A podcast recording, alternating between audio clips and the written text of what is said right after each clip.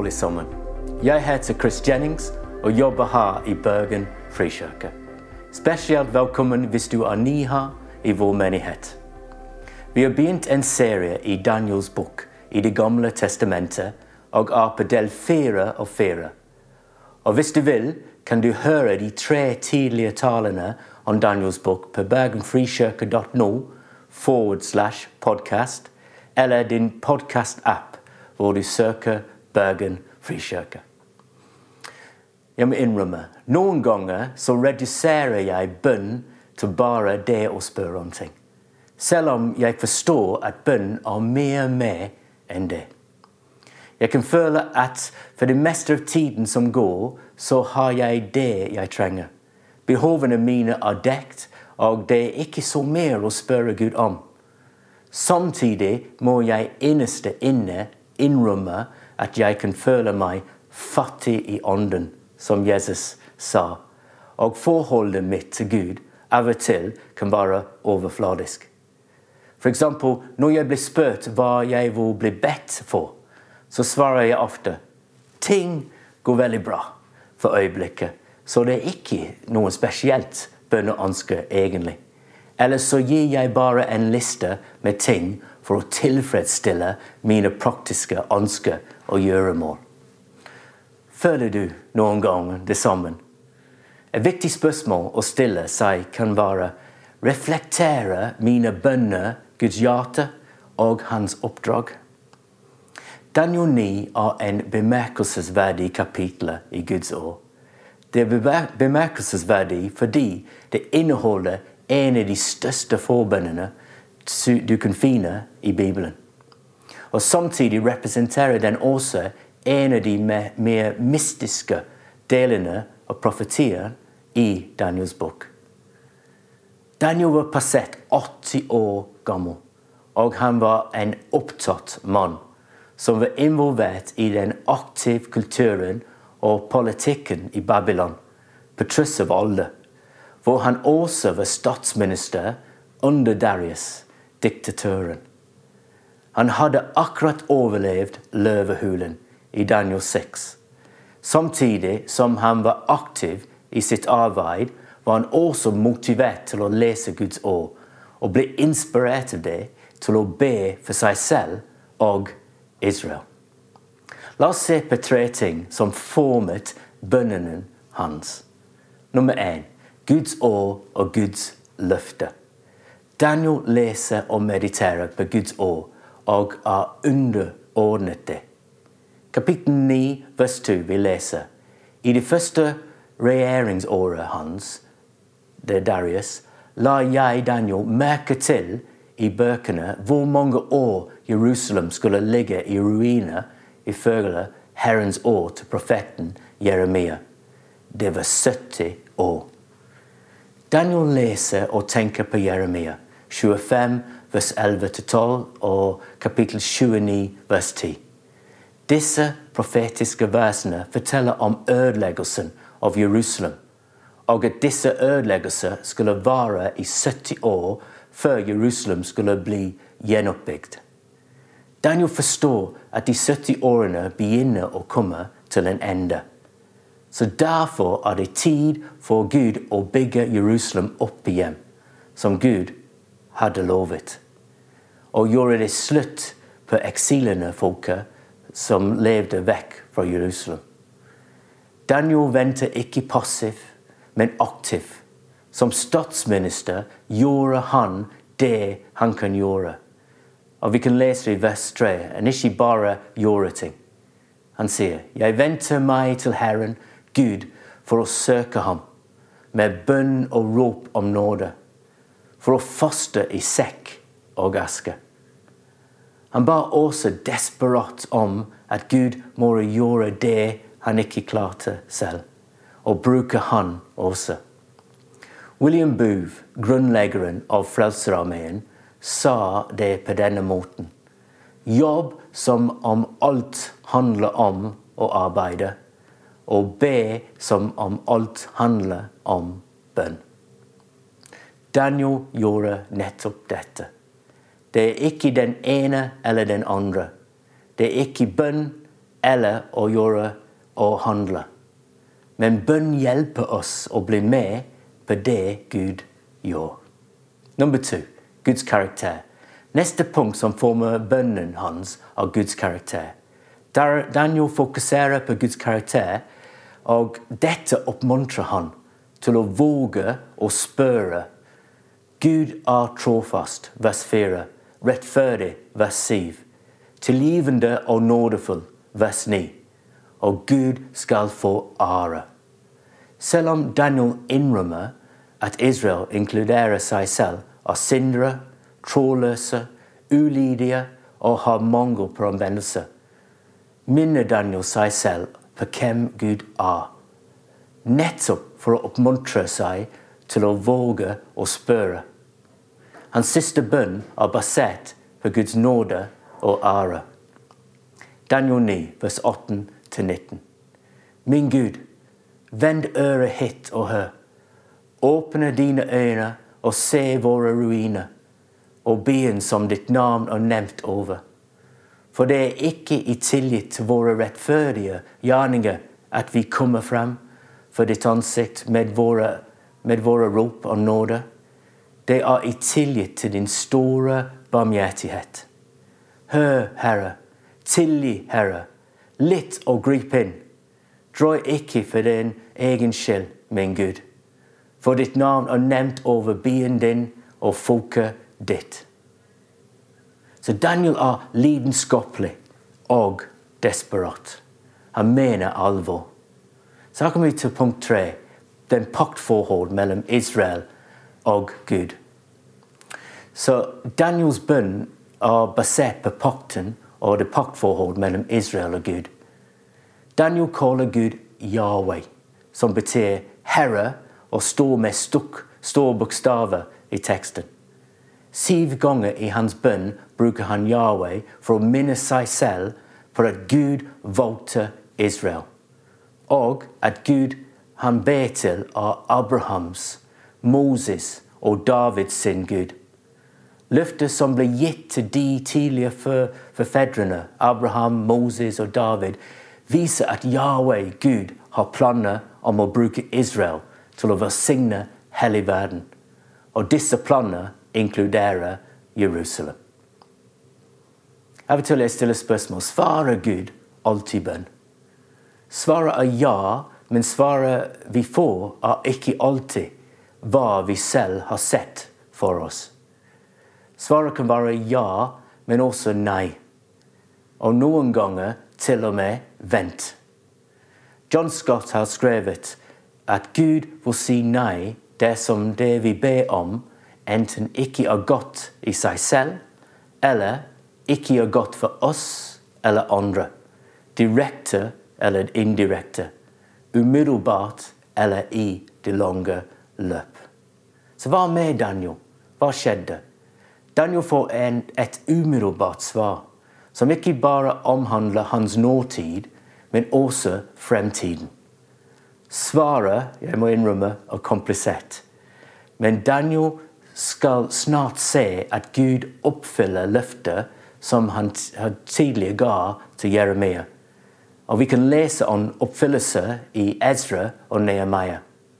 I Ezra kapittel 1 vers 1 det sier I de første åra Kiros var kongen i Persia, voktet Herren en tanke i ham for at det året som Herren hadde talt gjennom Jeremia, skulle bli oppfylt.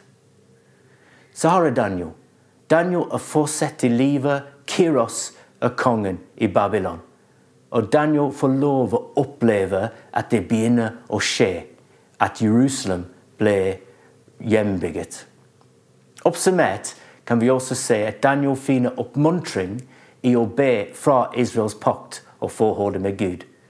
Yahweh som han er også en del av. Sorry, la meg lese den igjen. Han ble oppmuntret for å be fra Israels pakt og fra hans forhold med Gud, Yahweh.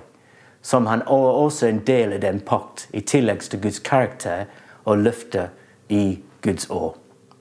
Så hva med oss? Hvilke ting er det som former vår bønn til Gud? Hvordan ser tingene som formet Daniels bønn ut for oss i dag? Med Daniels perspektiv kan en stille seg disse spørsmålene i dag i forholdet til bønn. Nummer én hvilken forhold har vi til Gud?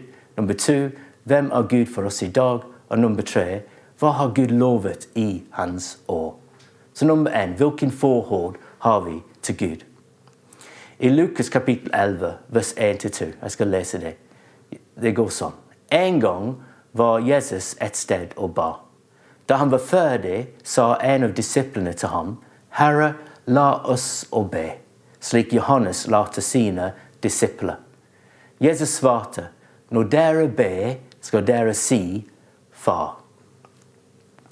Jesus la disiplene denne bønnemåten. Han snakker arameisk til dem og ville ha brukt ordet 'Abba' nå for ordet 'far'. Og når vi hører ordet 'Abba', jeg vet ikke hva du tenker på, men av og til jeg tenker på en svensk popband. Men 'Abba har' betyr pappa. En far som er nær, personlig og bryr seg om oss. Teologen Howard Marshall sier bruken av den intime formen 'Abba' var en fantastisk ny ting som Jesus ønsker å lære disiplene sine. Via bruken av ordet Abba inviterte Jesus dem inn i den samme nære relasjonen med Faderen som han selv hadde glede i. En nær og personlig relasjon. Bare tenk på det. Det er helt utrolig at Jesus har invitert oss inn i det som en nær relasjon at han har med Faderen, og gleder seg i. Hvor nær er den relasjonen at Jesus hadde med sin himmelske pappa? Selvfølgelig, det var veldig nær. Og det samme gjelder for oss i dag. Av og til får jeg irriterende telefoner av folk som vil at jeg skal bytte strømleverandører eller mobilselskap. Jeg vet at det er noen som vil selge meg pga. at de spør etter Christopher John Jennings, altså mitt fulle navn. Jeg skjønner ikke personer, og de skjønner ikke meg. Hvis de kalte meg Chris Jennings, ville de kanskje ha hatt en bedre sjanse. Hvis noen kaller meg Chris, da skjønner jeg, vi, jeg skjønner at vi skjønner hverandre. Og kanskje vi er venner. Men det er bare to personer på planeten som kaller meg pappa. Og det er disse to. Peter og Maria, mine barn. Navnet pappa reflekterer noe intimt og relasjonelt. Jeg elsker å være med mine barn, å være nær til dem og bruke tid med dem. De spør meg kanskje om ting de trenger, og jeg vil hjelpe dem hvis jeg kan. Men først og fremst, og viktigste av alt, vil jeg være med dem og bli involvert i livene deres. Det er dette Gud vil ha. Et forhold med ham som er en nærpappe som brer seg om oss. Han ønsker å bli inkludert i livene våre hver dag. Dette er et forhold Daniel ikke fikk glede av å oppleve på det samme måte. Men vi i dag kan få oppleve denne nære og personlige relasjonen til Gud gjennom Jesus. Så la oss sette pris på det og nyte det. La dette forme vår bønn, at Gud kaller oss til et nært og personlig forhold hvor Han er vår himmelske pappa, Abba. Nummer to. En annen ting som former våre, våre bønner, er spørsmålet hvem er Gud for oss i dag? Som Daniel kan vi i dag se at Gud stadig er kjærlig, trofast, nådefull, og dette burde oppmuntre oss til å be. Vi kan spørre oss selv hvor mer er Gud for oss? Romerne kapittel 8, vers 31-32 forteller oss svaret. 31. Hva skal vi si til dette? Er Gud for oss?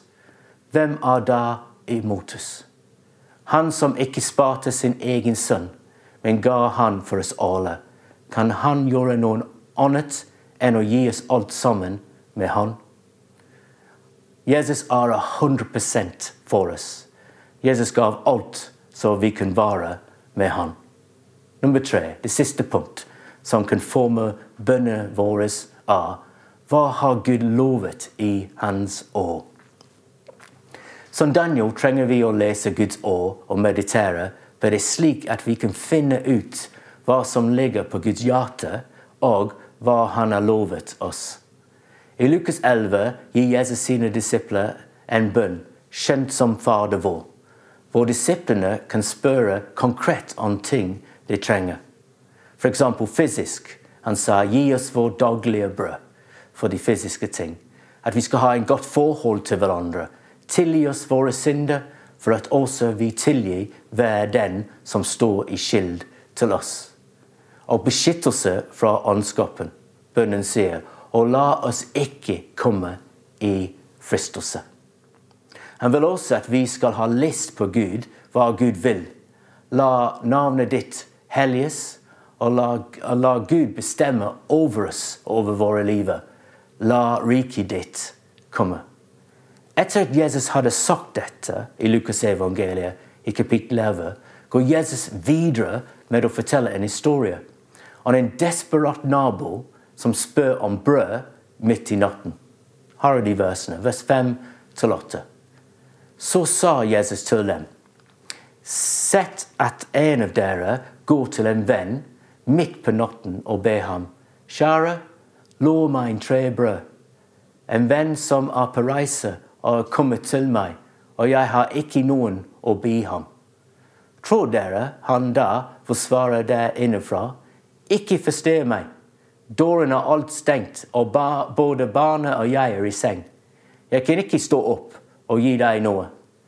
Nei, sier jeg dere, om han ikke står opp og gir ham det for vennskaps skyld, vil han i alle fall gjøre det fordi han er så pågående og gir ham alt han trenger.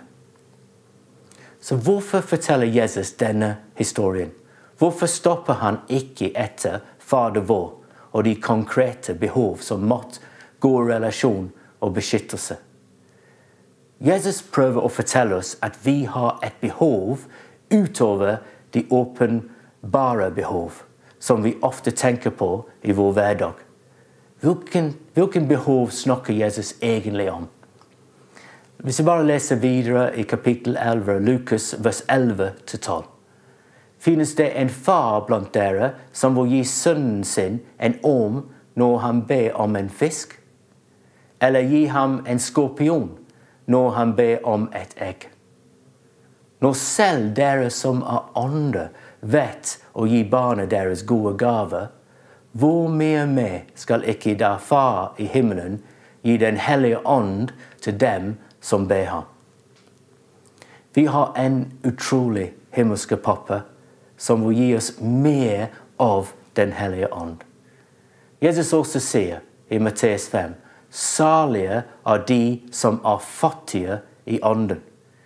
Det hørtes rart ut. Hvordan kan du være velsignet hvis du er fattig i ånden? Det er fordi de vet desperat at de trenger mer av Den hellige ånd. Og Jesus påpeker at vi har et behov for mer av Den hellige ånd, i tillegg til de andre nevnte, nevnte behovet jeg sa. La meg spørre forstår vi, innser vi hvor mye vi trenger mer av Guds ånd i vårt liv? Mener vi alvor med Gud, som Daniel gjorde? Når vi ber i våre selvgrupper f.eks. for hverandre, ber vi at vår himmelske Far skal gi oss mer av Den hellige ånd. Gud, vår pappa, er glad når vi ønsker det Han ønsker for oss og har lovet oss.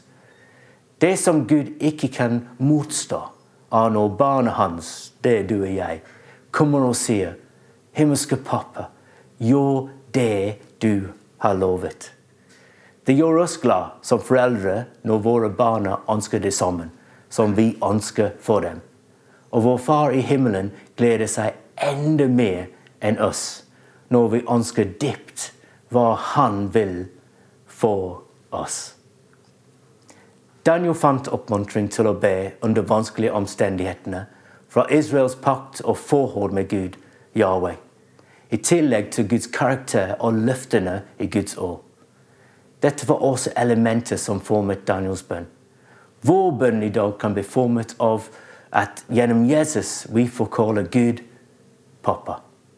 En personlig og nær relasjon til Han hvor vi får glede over å være hans barn. I tillegg vet vi hvor mye Gud er med oss og for oss. Og til sist kan vi underordnes Hans år og nyte løftene derav. Jeg må si til meg selv Chris, forvent mer. Ønske mer. Chris var litt mer desperat av å leve mer fordi Gud har mer for oss. Det budskap til Daniel og budskap til oss gjennom Jesus. Jeg vil, jeg avslutte med Paulus' bønn til efesene, som allerede har Den hellige ånd. Men Paulus ønsker at de skal få mer for å lære Gud å kjenne. La oss be. Jeg ber om at vår Herre Jesu Kristi Gud, Herlighetens Far, må la dere få en ånd som gir visdom og åpenbaring, så dere lærer Gud å kjenne. Må Han gi dere lys til hjertets øyne, så dere får innsikt i det håp Han har kalt dere til. Hvor rik og herlig Hans arv er for de hellige, og hvor overveldende Hans kraft er hos oss som tror. Mot den veldige makt og styrke reiste Han, Kristus, opp for de døde, og satte Han ved sin høyre hånd i himmelen. Amen.